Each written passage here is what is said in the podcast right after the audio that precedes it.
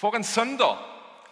Eh, ja, Som Jan Egil nevnte her innledningsvis, så, går vi gjennom boka 'Målretta liv', og, som, som, tar for seg ok, hva, hva sier Bibelen om hensikten med livet.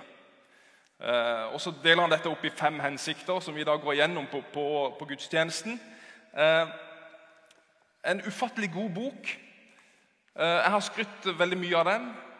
Eh, men jeg har bare lyst til å si at du trenger jo ikke være enig i alt. Jeg er ikke enig nødvendigvis i alt som denne boka sier. Det er jo ikke sånn at Fordi pastoren anbefaler boka, så er det ja, ja, ok. Selvfølgelig ikke. Eh, du trenger ikke være enig i alt. Det kan være ting som provoserer deg. Det kan være ting som du tenker ah, nei. Eller det kan være ting som du tenker yes. Altså, Jeg savner egentlig å høre litt fra deg hva dere tenker. Hva, gjør Gud noe med livet ditt etter å ha lest dette innholdet? Så, så, du må gjerne sende meg en mail eller du må gjerne snakke til meg. eller jeg håper kanskje du får snakke med noen. og Derfor vi sier at det er et poeng å lese denne boka sammen med noen i små grupper, eller med ektefelle eller partneren din. eller At du i hvert fall får diskutert disse tingene. For Poenget med hele denne her er jo at Gud skal gjøre noe med oss. Eh, jeg tror det er sprengstoff i den boka, men da må vi også ta det på alvor. Så det håper jeg du vil. Men ta gjerne kontakt med meg, eller snakk i hvert fall med noen om hva, hva provoserer deg, hva gleder deg, hva, hva, gjør, hva gjør, Gud? Eller skjer det ingenting? Eller, ja. Jeg tror, La oss bruke boka for, for alt det er verdt. Um, men vi har snakka om at uh, hensikten med livet er å glede Gud. Første linje i boka er at det handler ikke om deg. Utrolig provoserende bare det. Vi kunne snakka lenge om det. Um, det handler om Han. Og så sier boka at vi er skapt for fellesskap, at vi trenger tilhørighet, vi trenger relasjoner. Og så har vi snakka om at, eh, at, vi, at, livet handler om å bli lik Jesus. At det er en forvandlingsprosess. Alt vi møter i livet, er, til, er der. Og Gud kan vende det til det gode, alt som er vondt. Og så handler det om at Gud ønsker å forme oss til å bli lik Jesus. Også i dag handler det om at vi er skapt for å tjene Gud. Så da har du settingen. Det er der vi er i, i boka. Eh, veldig fornøyd med det bildet der. Til tjeneste.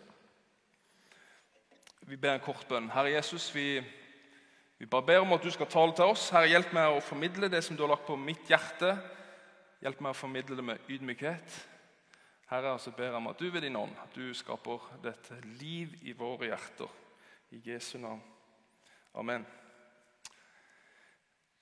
Til tross for koronaepidemien som, eh, som, plager oss og som eh, herjer med oss, så har vi det jo altså La oss perspektivene rett her. Vi har det godt i Norge. ok? Yes, jeg ser noen nikker. Vi har det utrolig godt i Norge. Ja, Arbeidsledigheten den har riktignok eh, skutt i været i det siste, men vi forventer jo at det skal gå bedre. Ting vil rette seg opp igjen. Men for mange år siden jeg vet ikke hvor mange, jeg har ikke telt, men for en del år siden, lenge før velstanden ble så høy i Norge den gang det var langt flere arbeidsledige her, da var framveksten og det var veldig typisk for den tida, framveksten av frivillige og ideelle organisasjoner kom i den perioden det var vanskelig her i landet. Og gleden for å hjelpe andre den var stor. Vi pleier jo å si det at Norge er bygd opp på frivillighet. sant? Det liker vi. Det er vi stolte av. Og Dugnadsånden i, i Norge den har alltid vært stor. Men så i dag, da, når vi er på en måte rikere enn noen gang, så er det interessant nok ikke det, det er ikke de frivillige, ideelle organisasjonene som nødvendigvis er i sterk vekst i dette landet, men det er interesseorganisasjonene. Hva er en interesseorganisasjon? Jo, det, det, er jo en organisasjon som jobber på vegne av medlemmenes interesser og behov. Og Denne organisasjonen den, den kjemper med nebb og klør for å ivareta meg som medlem og mine interesser. Det er jo fortsatt sånn at Vi har dugnadsånd i Norge, men forskning sier, i hvert fall noe forskning sier at, at eh, selvrealisering er blitt viktigere for oss. Mine personlige mål og mine personlige interesser er mye viktigere enn målene og interessene til en bestemt organisasjon. Interesseorganisasjonene vokser. Så hva, Du sitter i en menighet i dag, eller du, du lytter til en menighet i dag. Hva slags organisasjon er vi? Er vi en ideell organisasjon, eller er vi en interesseorganisasjon? Er vi til for medlemmenes behov og interesser, eller er vi til for en sak eller behovene der ute? hvis vi kan si det på den måten? Er vi en ideell, eller er vi en interesseorganisasjon? Jeg syns det er et utrolig spennende spørsmål. Jeg må nesten si unnskyld når jeg sier det, men mange ganger så opplever jeg at uh, vi som menigheter oppfører oss i hvert fall som en interesseorganisasjon. Vi er opptatt av våre behov, mine interesser. Så vi er egentlig ikke så veldig annerledes enn uh, den gjennomsnittlige nordmann. Mine behov kommer først. Så jeg lurer på på veien i utviklinga i Norge har vi uh, har vi mista noe på veien? Har vi mista dette her at vi er ikke bare til for oss sjøl? Har rikdommen gjort oss til en nasjon av sutrere? Jeg tok med et sytemeldingsskjema her. Jeg vet ikke om du har sett et sånt skjema. Jeg fikk det på kontoret her. Kanskje var det et hint? Jeg vet ikke. Eh, mange har sikkert sett dette, og jeg forventer ikke at du skal klare å lese det så godt. Men det står sytemeldingsskjema. NB. Søker du humøravklaringspenger, bruk skjema 34B. Hvilke symptomer merker du? Rensyting, klaging, Stønning, sukking, uffing, baksnakking, kverulering. Kryss av, ikke sant? Hva reagerer du på? Er det været, prisene, helsa, slekta, trekkspill? Eh, de som tror de er noe. Krig og fred og sånn. Og da neste Hvor mange ganger per dag syter du? Hvor mange har fått høre det? Har du tatt saken opp med den ansvarlige? Er du medlem i et klagekor, kaffegjeng, syklubb? Er du utsatt for passiv syting? Den syns jeg er fin. Vi er på toppen. Vi er på toppen av levestandard i verden, men likevel så klager vi mellom, på alt mellom himmel og jord. Og hvorfor er det sånn? Hvorfor har det blitt sånn? Ja, jo, for når vi slutter å gi og bare blir mottakere, da øker vår kritiske holdning. Når vi slutter å gi og bare blir mottakere, da øker vår kritiske holdning. Vi klager og vi krever. Og de som klager og er mest kritiske, det er som regel de som gir minst. Og hvem er mest lykkelig og tilfreds? Som regel de som gir mest. Hør, Gud har skapt oss til å tjene. Og Det er mitt uh, første punkt blant flere, men du er skapt til å tjene. Er, det ligger et DNA i oss som er helt fantastisk. og I dette DNA-et ligger det enorme Vi er proppfulle av muligheter helt ifra fødsel av. Og så virker det som om at det, som gjør et menneske lykkelig her i livet, det avhenger av i hvilken grad du får brukt og får utnytta potensialet som ligger i oss. Er du med? Hvis vi hvis vi lever med et uutnytta potensial, hvis ikke vi får brukt oss, så blir mange deppa og misfornøyde. De som er mest lykkelige på jobben, er som regel de som får brukt evnene sine. Utvikle egenskapene sine. Og Visste du at hovedårsaken til at folk slutter i jobben eller bytter jobb i Norge, vet du hva det er? Nei, det er ikke lønna. Det er mangel på utviklingsmuligheter. Er det ikke interessant? Jeg syns det. Vi er skapt for å tjene. Skapt for å gjøre en forskjell. Ikke bare oppta plass og bruke ressurser. Det som betyr mest, er ikke hvor lenge vi lever, men hva vi bruker livet vårt på. På denne planeten er det ingen gratispassasjerer. Alle må gi noe tilbake. Alle må bidra. Og Bibelen sier at vi er skapt for å tjene Gud. Og dypest sett så handler det om mennesker. Skal vi tjene Gud, så må vi også tjene mennesker. Det handler alltid om mennesker når det handler om Gud. Efeserbrevet sier, for vi er Hans verk, skapt i Kristus Jesus til gode gjerninger, som Gud på forhånd har lagt ferdige for at vi skal vandre i dem. Ok, Så vi er skapt for tjeneste, men vi er også frelst for tjeneste. For det som skjedde i syndefallet, det var det at det som var gitt oss av Gud, det som ble gitt fra Gud, det ble vendt ikke til å, å tjene Han, men det ble bare vendt til vårt eget. Til meg selv og mitt eget. Det er på en måte kjernesynden i oss. ikke sant? At vi vender Gud ryggen. Det betyr ja, utdannelsen min, jobben min, pengene mine, huset mitt, familien min. ja, Alt er mitt, mitt, mitt, mitt. Og så gir jeg Gud litt driks eller gir han litt tips. Fordi det er meg som er eier. Og så gir jeg Gud litt av overskuddet. Er du med? Det er meg som eier alt. Det er ikke hans, men jeg eier det. men jeg kan gi Gud litt av overskuddet mitt. Men vi er frelst for å tjene, og Gud og Jesus leder oss tilbake til den egentlige hensikten med livet. Jesus kom som et forbilde, og han viste hva det er å tjene. Å elske mennesker. Tenk på Gud, altså Gud Jesus, han som eide alt. Han ga alt. Han som var øverst, og som hadde all makt i himmel og på jord. Han bøyde seg helt ned og vaska våre føtter.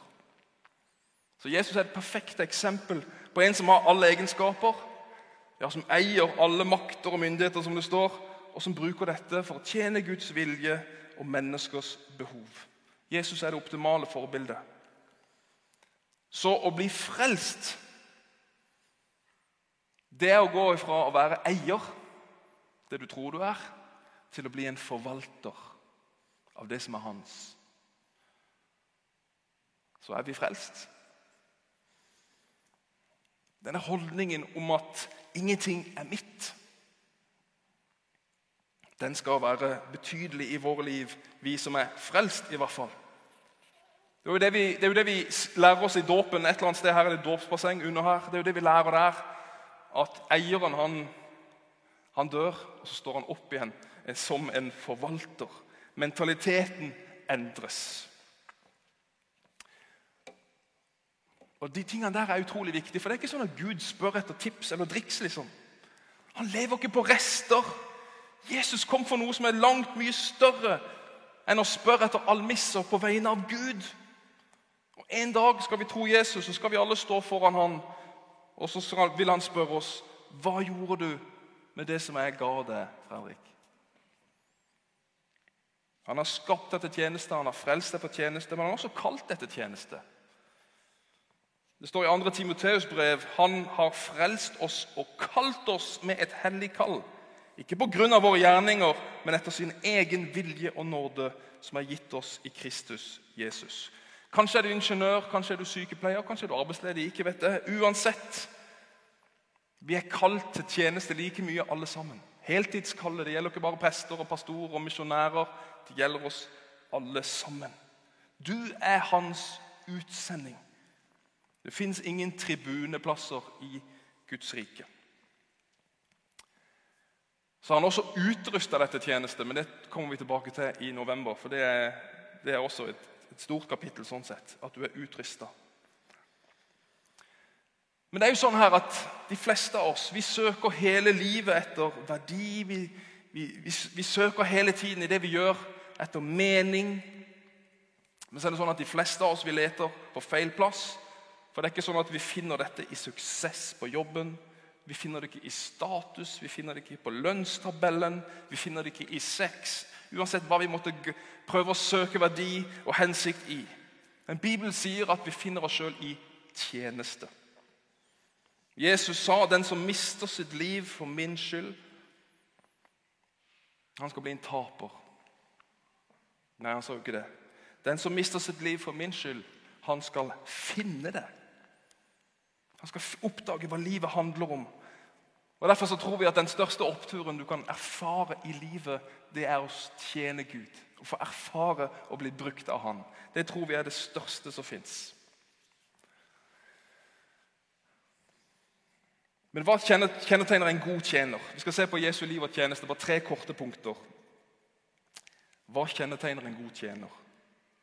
Det første jeg har lyst til å si, og dette blir utfordrende, det er at gode tjenere er tilgjengelige. Gode tjenere er tilgjengelige. Jeg vet ikke om du har lagt merke til det, hvor mange ganger Jesus ble avbrutt i sin tjeneste, eller avbrutt av mennesker i det han holder på med. F.eks. den gangen han går inn i Jeriko, i denne gamle byen. Eh, og Så møter han en blind mann. Kjent historie. Den blinde mannen roper 'Jesus, Jesus'. Og Jesus stopper opp der med hele dette følget. Det står at Han stopper opp og spør 'Hva er det du vil jeg skal gjøre for deg?' Og Historien er jo selvfølgelig at Jesus helbreder denne blinde mannen. Men hvis du leser evangeliene, så kan du se at mange, mange, mange eksempler på at det skjer mirakler de gangene Jesus stopper opp, der han blir avbrutt med det han holder på med. Jeg tenker at Hvis du vil tjene Gud, så må du være villig til å bli avbrutt.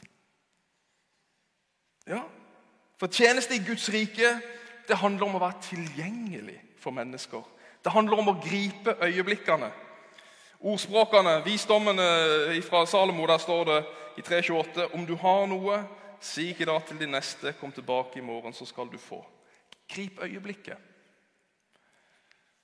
Men så er jo spørsmålet i Norge, vet du Har vi tid? Har vi tid? Er vi villige til å bryte ut av komfortsonen vår? Mange ganger så uh, dette tenk, eh, det er klart Dette tenker sikkert ikke bare jeg på, men det er mange som tenker på dette. Uh, og um, I hverdagen sant, så, så, kjører du gjerne forbi folk som du ser kanskje trenger hjelp. Om det er en gammel dame med handleposer, eller om det er en bil som står og blinker i veikanten. eller et eller annet galt. Så jeg har tenkt mange ganger ah, skulle kanskje ha stoppa. Liksom. Som regel så klarer jo folk seg sjøl, for vi har mobil. Spesielt hvis du har et eller annet motorproblemer, så ringer jo folk bare til falkene. Og så, og så, vi lever jo i et velferdssamfunn. Ting ordner seg. Men så var det her en dag. Jeg var på Raglamyr på vei hjem fra trening. Og der står det en bil i veikanten og blinker. Og jeg kjører forbi, og den, den, eh, Han står utenfor det bygget med Apex der på Raglamyr. i rundkjøringen der. Det er sånn kontorbygg på hjørnet. det er sånn brunt et med store vinduer der.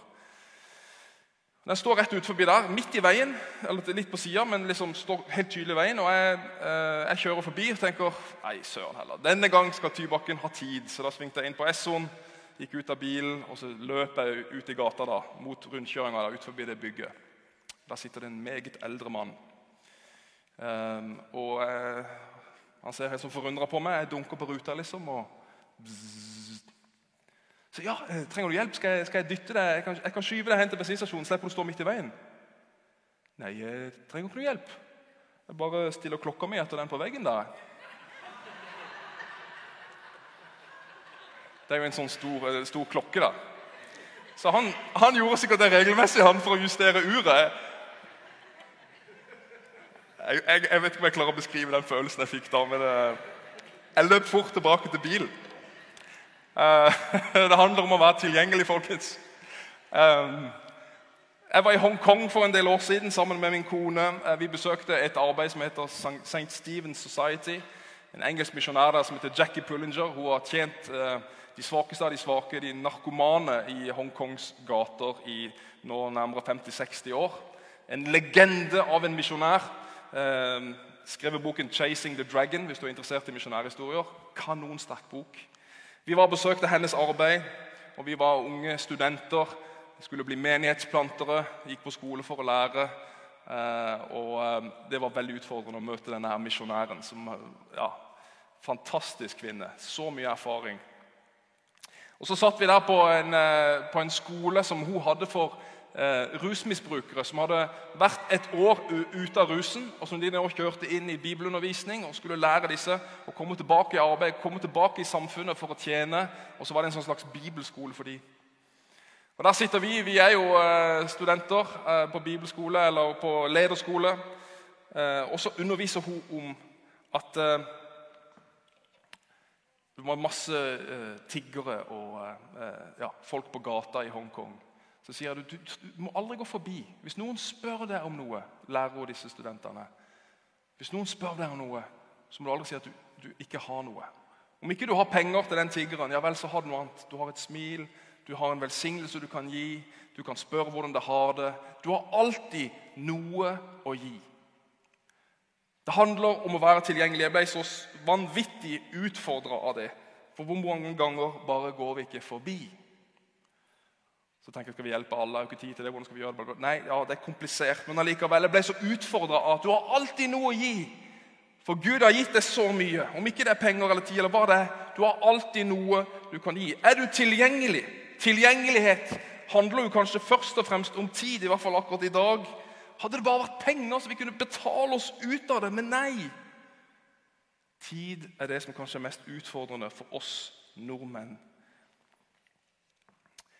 Og Her har vi noen barrierer, og jeg har ikke tid til å gå dypt inn i dem. Men det er jo ingen tvil om at hvorfor er vi ikke tilgjengelige i Norge i dag for mennesker? Jo, det er jo fordi vi er så grenseløst selvopptatte. Vi ser bare oss sjøl. Så vi da går for å møte Vi ser ikke mennesker, for vi ser bare meg. Det er ingen av oss som kjenner seg igjen i dette, for det blir for dumt. på en måte. Men hvis vi går litt dypt Herlig fred. Det er stort sett bare meg. Men Jesus utfordrer oss. Jeg synes dette er et godt bilde på å legge ned den. Så kan det bli et fat som vi kan tjene andre mennesker med. Som ikke du husker noe annet i dag, så husk det bildet. At selvopptattheten, den må vi prøve å legge ned. Filipperbrevet sier 'tenk ikke bare på deres eget beste', men på de andres. Vis det samme sinnelag som Kristus Jesus. Wow. En annen ting som kan hindre oss i å være tilgjengelig, er perfeksjonisme. Ja, for det er mange grunner til dette. Selvfølgelig. Ja, jeg er jo ikke god nok. Jeg, kommer, jeg, har, ikke høy nok standard på de tingene, så jeg kan ikke tjene Gud. Nei, det vet jeg ikke om jeg kan. Blir aldri god nok. Nei. Huset er ikke pent nok. Jeg er ikke flink nok. Gud bruker jo alt. Se i Guds ord, les Bibelen. Gud brukte mennesker med svakheter og med feil. Disse tingene er et problem for oss, men det er ikke et problem for Gud. Når Gud ser på deg, så ser han muligheter, ingenting annet. Men vi ser, når vi ser inn i oss sjøl, så kan vi se nei, dette går nok ikke. Så det kan være en utfordring, det også. Men spørsmålet er har du tid til å tjene Gud. Punkt nummer to gode tjenere er takknemlige. ja, du vet når Jesus kom til Lasarus' grav, en, en, kjent historie Lasarus som var død og Jesus han, han vekker jo denne mannen opp. Men har du lagt merke til at når han står foran graven der, så ber han en bønn som han fint kunne ha bedt inni seg, men han ber han høyt av en eller annen grunn. Han ber, 'Far, jeg takker deg for at du hører meg.' 'Jeg vet at du alltid hører meg, men jeg sier dette for folket som står rundt meg.' Interessant. Han ville at folk rundt skulle vite at han var takknemlig for at Gud hørte han, og at han fikk lov til å tjene han. Det var hele tiden takknemlighet hos Jesus. Så kan du tenke ja, ja, hvis jeg kunne vekke opp døde mennesker, så skulle jeg vært veldig takknemlig. Men poenget er at Jesus var takknemlig gjennom alt. I de gode og de dårlige dagene som menneske. Gjennom hele tjenesten. Hvorfor er dette med takknemlighet så viktig? Jo, hvor kommer egentlig takknemlighet fra? Jo, takknemlighet det er en frukt av nåde. Den nåde som Gud har vist meg og vist deg ved at han frelste meg, og at han har gitt oss en tjeneste, han har gitt oss tillit. Og Det er jo det vi er takknemlige for. Og De som er mest takknemlige, er de som har sett at alt er av nåde. Ufortjent. Gratis. Det skaper takknemlighet. For takknemligheten er nådens frukt. Og hvor kommer gleden fra? Jo, gleden kommer fra takknemligheten. De henger sammen. Så det begynner med nåde. Jeg tar imot nåde, jeg blir takknemlig. Og da blir jeg glad, og det gir meg arbeidsglede.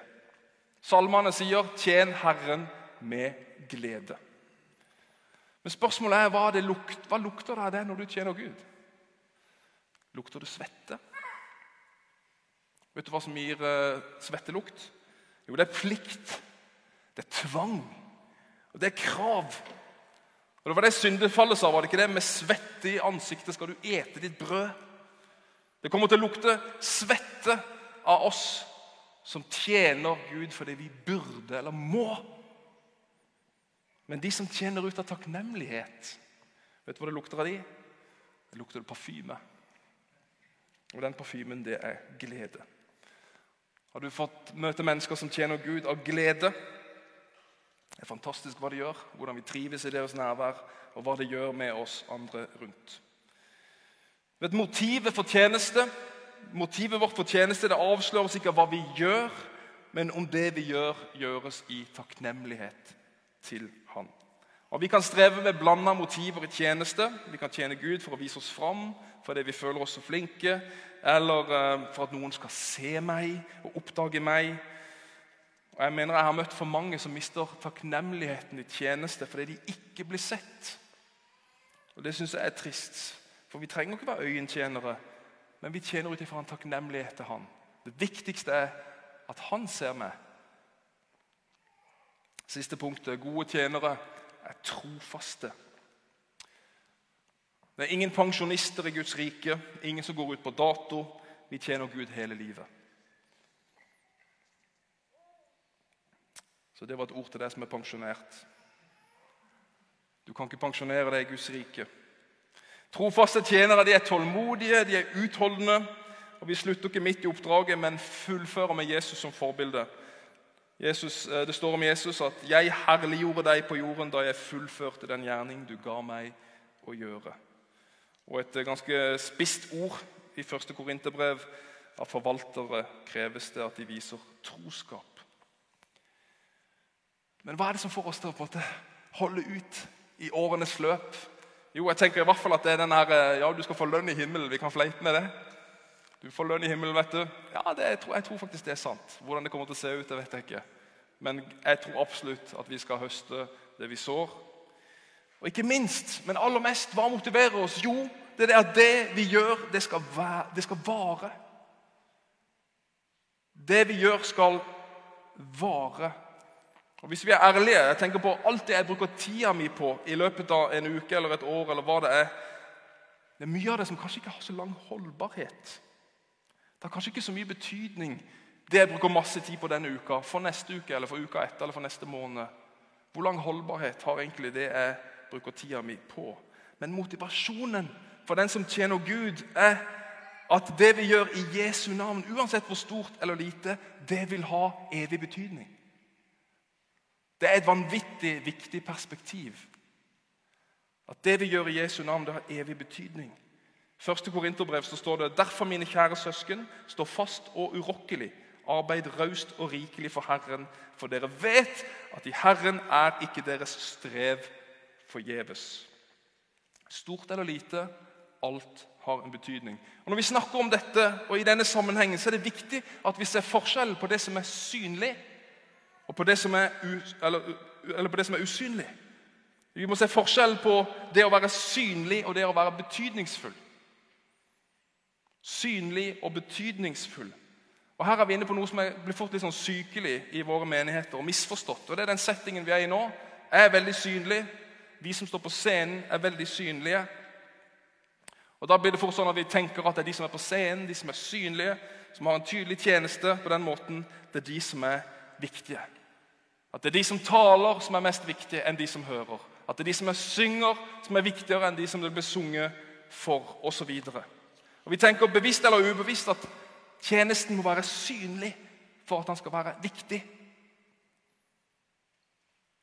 Nesa mi er jo ganske framtredende. Men hvis jeg hadde vært så uheldig å miste den, så kunne jeg jo fint levd videre. Sant? Banalt eksempel.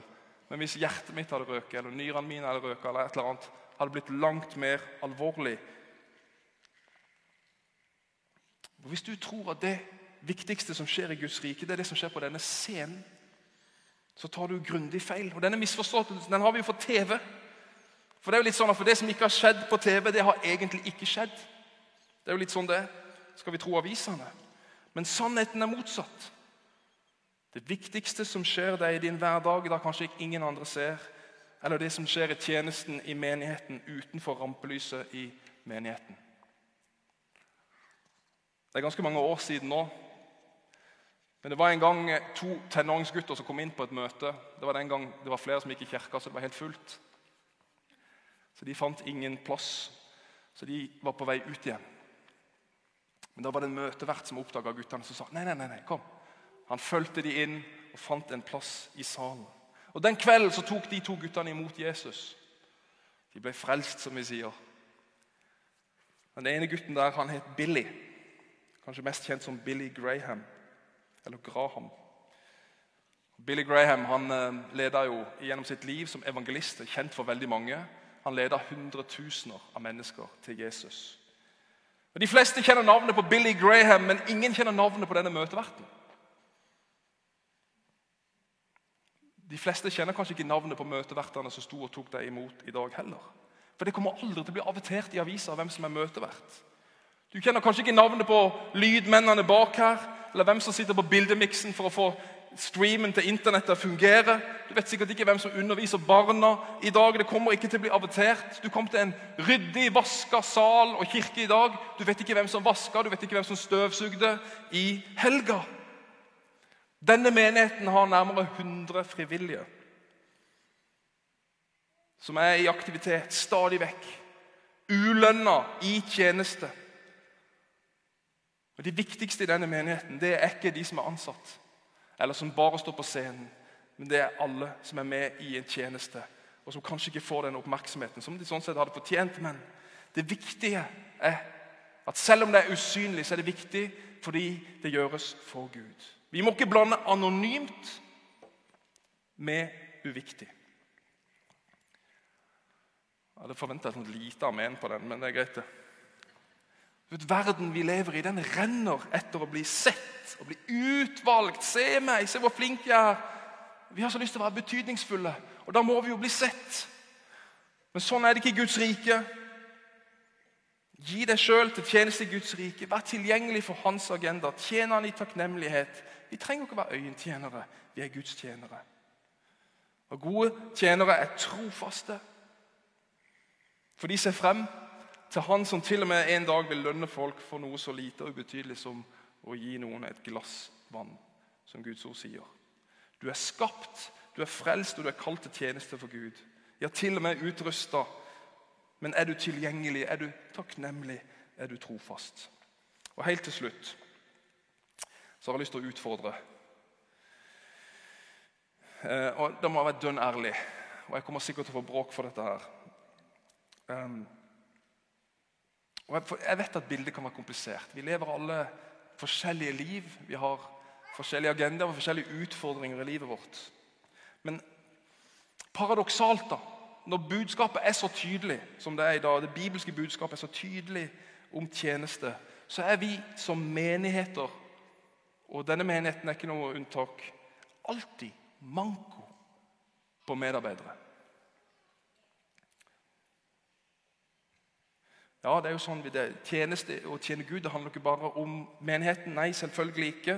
Det har vi prøvd å si her. Vi tjener Gud på jobb, i familien. Men menigheten er jo viktig. Vi tror at menigheten er viktig for Gud. Vi tror menigheten er viktig for samfunnet vi lever i. Det er derfor vi holder på med dette. her. Vi er ingen interesseorganisasjon. Vi er en ideell organisasjon. Vi er til for det mennesker der ute og for Guds sak. Men likevel, da så er min opplevelse at, um, at jeg nærmest må trygle mennesker inn i tjeneste. Det er sånn at vi, Jeg vet at mange ledere her de gruer seg for å ta en telefon. Kunne du tenke det? Hadde du hatt tid til å være med? Og jeg tenker, Hvorfor skal vi mangle medarbeidere i barne- og ungdomsarbeidet? Når, når barna er det viktigste vi har? Hvorfor skal vi da mangle folk? Hvorfor skal det gå på stumpene løs noen ganger? For det, vi har ingen som vil engasjere seg. Jeg vet at bildet er sammensatt. Jeg vet at alle har gode grunner. Men kanskje for en del av oss, og kanskje er det de fleste av oss, så er spørsmålet hva er det som er viktigst i mitt liv. Gud har en hensikt med livet vårt. Og Det er ikke et strev, men det blir et strev hvis det kommer på toppen av alt mulig annet. Les denne boka. Ta til deg budskapet. Gud har en hensikt med våre liv. Og Er det noe Gud unner oss, så er det et godt liv. Amen. Jesus, jeg takker deg for uh, ditt ord, og det river og røsker i oss. Herre, men vi må bare anerkjenne at det er du som er den som eier alt, og vi er forvaltere. Takk for alt det du har gitt oss. Og Nå vil jeg be for mine venner, for menigheten, for besøkende, Herre, at du eh, rører våre hjerter. Herre, sånn at vi kan komme inn i hensikten med livet. Det er spennende, det ønsker vi. Vi er nysgjerrige på det, Herre. Og Nå ber jeg Herre om at du må hjelpe oss å ta kloke, vise valg, sånn at vi kan leve, Herre, for det. Og vi kan leve med et overskudd, med tid til mennesker. Herre, hjelp oss å ikke ta valg som leder oss inn i for mye å gjøre. Der agendaen blir for trang, hvor alt blir et strev. Det er nok mange av oss som er der. Hjelp oss å ta vise valg, Herre. Hjelp oss å sette foten ned og rydde i livet, Herre, så vi får plass til det som er viktig for deg og viktig for oss.